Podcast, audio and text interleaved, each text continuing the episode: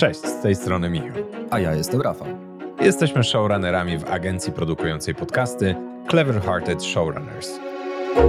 A to jest podpodcast Laboratorium Narracji, w którym realizujemy proste kampanie oparte o storytelling i wyciągamy wnioski z ich produkcji. Cześć Michał. No cześć. No cześć. Jaki przygotowałeś suchar na dzisiaj? Czy ja o lekarzach w kuchni już mówiłem? Chyba tak. Chyba tak. Nie wiem, czy wiecie, ale no, jeżeli słuchaliście naszego ostatniego odcinka z Marcinem Jaskółką, to na pewno wiecie, że Michał jest królem sucharów. Jeżeli nie słuchaliście, to koniecznie posłuchajcie. No, tam królem od razu. Ja po prostu lubię suchary, a niekoniecznie umiem je opowiadać. ale, ale może właśnie częścią tego tej umiejętności opowiadania sucharów jest to, że się nie umie ich opowiadać, bo one wtedy wychodzą bardziej czerstwe. No to dawaj tego tosta. Ech. Dobra, chcesz tosta? No to leci tost. Co mówi ksiądz po udzieleniu ślubu parze informatyków? Pobieranie zakończone. Ale przechodząc do tematu naszego dzisiejszego odcinka, nie będziemy mówić o informatyce absolutnie, tylko, tylko o marketingu, a konkretniej w tym eksperymencie, który stworzyłem. Bardzo mnie on w ogóle e, ekscytuje, szczerze mówiąc, bo od zawsze chciałem wykorzystać jakiś typ historii, ale opowiedzieć o czymś, do czego on tak wprost nie pasuje. W sensie mamy tutaj historię marketingową, ale opowiedzianą z perspektywy takiej true crime'owej bardziej. Mhm. Posłuchajmy. Siedziałem w biurze i montowałem podcast dla klienta. Wywiad. Standardowa procedura. Oczyścić ścieżki, pozbyć się zbędnych części. Tutaj ciach, tam ciach. Tutaj skleimy, tam usuniemy. Nagle rozległ się dźwięk telefonu. Nieznany numer. Dzień dobry, reprezentuję firmę z branży FMCG. Chodzi o nasz podcast. Stało się najgorsze. Usłyszałem z drugiej strony słuchawki. Nie musiał mówić nic więcej. Umówiliśmy się na kola następnego dnia. Kiedy czekałem przed komputerem, patrząc prosto w moje własne oczy, stwierdziłem, że ta robota mnie wykończy.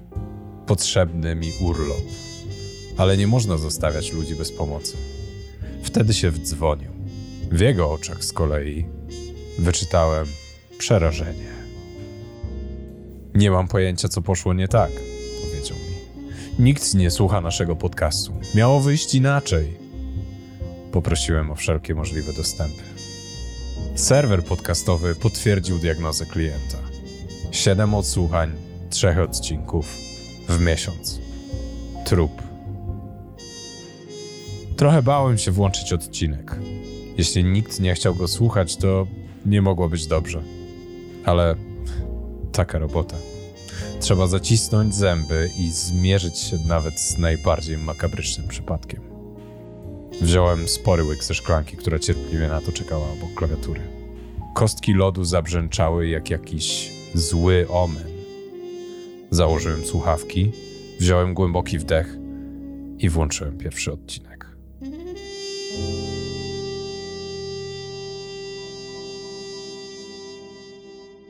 Intro miało nawet przyjemną muzykę. Gitara elektryczna pięknie uzupełniała się z perkusją. Szkoda tylko, że słowa prowadzącego ginęły gdzieś w wysokich częstotliwościach. Dobrze, że dostałem też transkrypt. Podcast o niczym. No dobra, ale może chociaż gość go wyratuje. Kiedy intro się skończyło, usłyszałem jakieś ciche pomruki. Ktoś zapomniał wyrównać głośność. Ścieżki z prowadzącym i gościem były tak ciche, że musiałem zwiększyć głośność w słuchawkach o dobrych kilkadziesiąt procent. Pokręciłem tylko głową i słuchałem dalej. Rozmowa zaczęła się nie najgorzej, ale szybko wskoczyła w tryb liczbowy, czyli pytanie numer 21, pytanie numer 22. A poza tym różnica w jakości mikrofonów nie dała się nie słyszeć. Gość ewidentnie korzystał z tego, co miał pod ręką. Zapewne był to mikrofon wbudowany w laptopa. Albo toster. Prawdopodobnie najbardziej tej roboty nienawidzą moje uszy.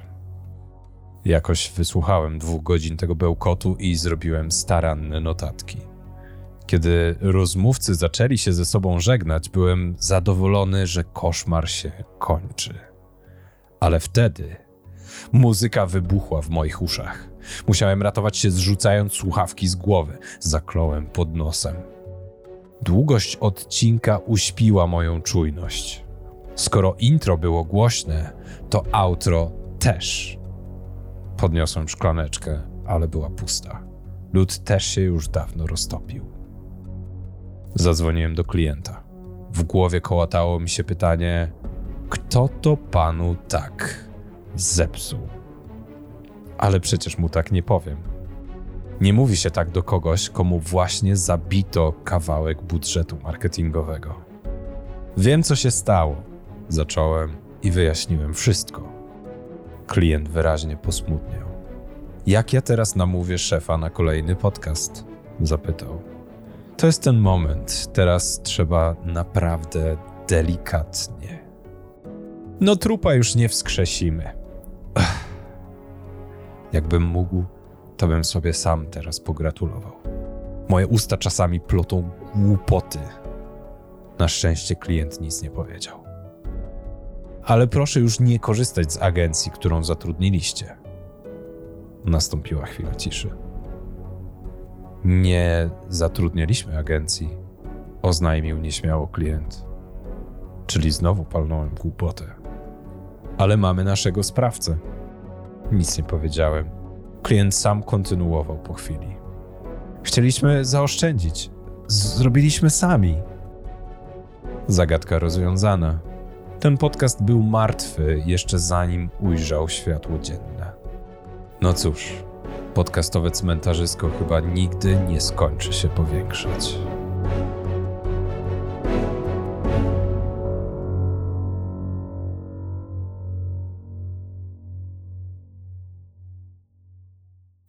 No okej, okay, pojechałeś trochę po bandzie. Skoro tak uważasz. Ale powiedz mi, bo mnie to strasznie ciekawi, co takiego w mózgu człowieka się dzieje? Jakie styki tutaj po prostu się łączą, że wpadasz na taki pomysł, żeby zrobić właśnie coś takiego w takiej formie?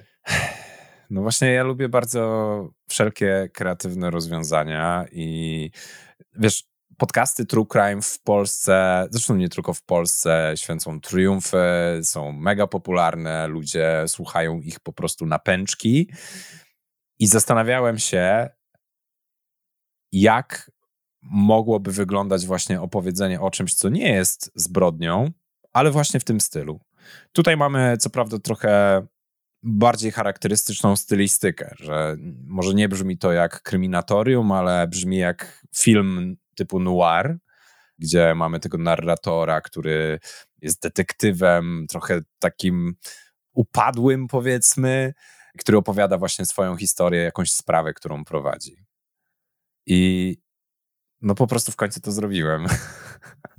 I na pewno bardzo się cieszyłeś to robiąc, jak cię znam. O kurczę, no jarałem się jak głupi. Okej, okay, jestem w stanie w to uwierzyć, że ty na pewno się przy tym jarałeś, ale kto jeszcze może się tym jarać? Dla kogo jest e, taka forma, dla kogo jest taki styl? Kto mógłby zrobić kampanię właśnie w ten mhm. sposób? To jest bardzo dobre pytanie. Ja uważam, że takie wykorzystanie innej formuły, czyli tego true crime'u w opowiedzeniu o czymś, co nie jest zbrodnią, w zasadzie można wykorzystać w dowolnej branży, tylko oczywiście trzeba markę tam w miarę dopasować, że e, jeżeli marka jest super poważna i zawsze ma taką komunikację wprost, no to to pewnie nie będzie dobry traf, ale dla marek, które lubią się bawić, lubią eksperymentować, no to jak najbardziej. I no ja tutaj opowiedziałem akurat o przypadku marketingowym, no bo gdzieś tam to wynika z tego, czym my się zajmujemy, ale można opowiedzieć o bardzo różnych rzeczach. I w zasadzie to nie musi też być true crime. Można wykorzystać inne jakieś formy, inne e, rzeczy i spoko, da się. Tylko trzeba mieć właśnie na to jakiś taki sensowny pomysł, żeby to ze sobą złączyć. W tym przypadku opowiadamy o podcaście, który nie wyszedł, więc jest trupem, tak? A jak mamy trupa, no to jest to jakaś zbrodnia i już łatwiej jest dopasować poszczególne cegiełki tutaj, żeby to się spinało. I jeżeli jest jakaś marka, która właśnie może się pobawić w ten sposób, ja, ja to polecam w ogóle. To jest coś, co absolutnie byłoby wyróżniające i coś, co wiesz, to jest tak, że true crime'u ludzie słuchają bardziej prywatnie, jeśli wiesz, co mam na myśli. Mm -hmm. Podcastów marketingowych słuchają już bardziej rozwojowo, karierowo, biznesowo, nie? I teraz łącząc te dwie rzeczy, no wychodzi nam świetne połączenie. Pewnie nie przypadnie do gustu wszystkim, absolutnie. Ale myślę, że ludzie przynajmniej się zainteresują tym, co to jest. I, i, i też taki podcast mógłby być bardziej potencjalnie bardziej wiralowy, mm, miałby większy potencjał, żeby przebić się w mediach, no bo prędzej napiszą o podcaście, który jest właśnie w taki kreatywny sposób zrobiony, niż o jakimś bardzo standardowym. Także jest dużo takich rzeczy, które tutaj są wyróżnikami. Okej, okay, a przechodząc do treści tej historii, którą tutaj usłyszeliśmy, poruszyłeś bardzo ważny i bardzo ciekawy wątek tego, jak ludzie podchodzą do tworzenia podcastów. Dlaczego ująłeś to właśnie w ten sposób? Ja to być może trochę przerysowałem akurat w tej historii, ale też bardziej zależało mi na tym, żeby pobawić się tą formą i skupić się na eksperymencie samym w sobie, więc pozwoliłem sobie na to, żeby trochę pójść do przodu. Podcast tworzony przez kogoś osobiście pewnie nie byłby aż takim trupem. Natomiast chodziło mi o to, żeby pokazać, że ta ścieżka tworzenia podcastu samemu jest czasami ryzykowna. Jasne, można zrobić naprawdę perełkę in-house'owo, bo jeżeli się zrobi odpowiedni research, jeżeli ma się wystarczająco dużo umiejętności związanych z opowiadaniem historii, z y, może dziennikarstwem, paru innych, to spoko. Ten podcast naprawdę może wyjść dobry.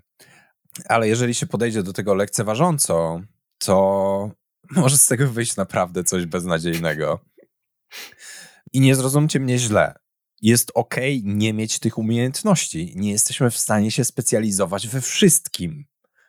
Więc jeżeli nie mamy tych umiejętności, żeby stworzyć podcast, no to dobrą ścieżką jest zatrudnienie agencji do tego, żeby ten podcast wyprodukowała.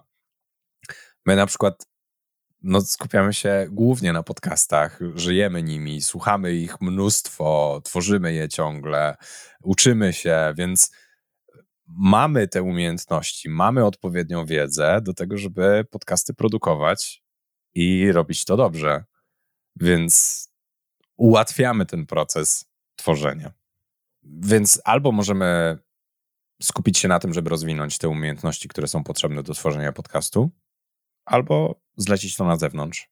I obie ścieżki są ok, tylko trzeba do tego podejść tak, żeby mieć dobro słuchacza cały czas w głowie, bo podcasty tworzymy nie dla siebie, nie dla marki, tylko dla odbiorców tej marki i dla właśnie słuchaczy podcastu.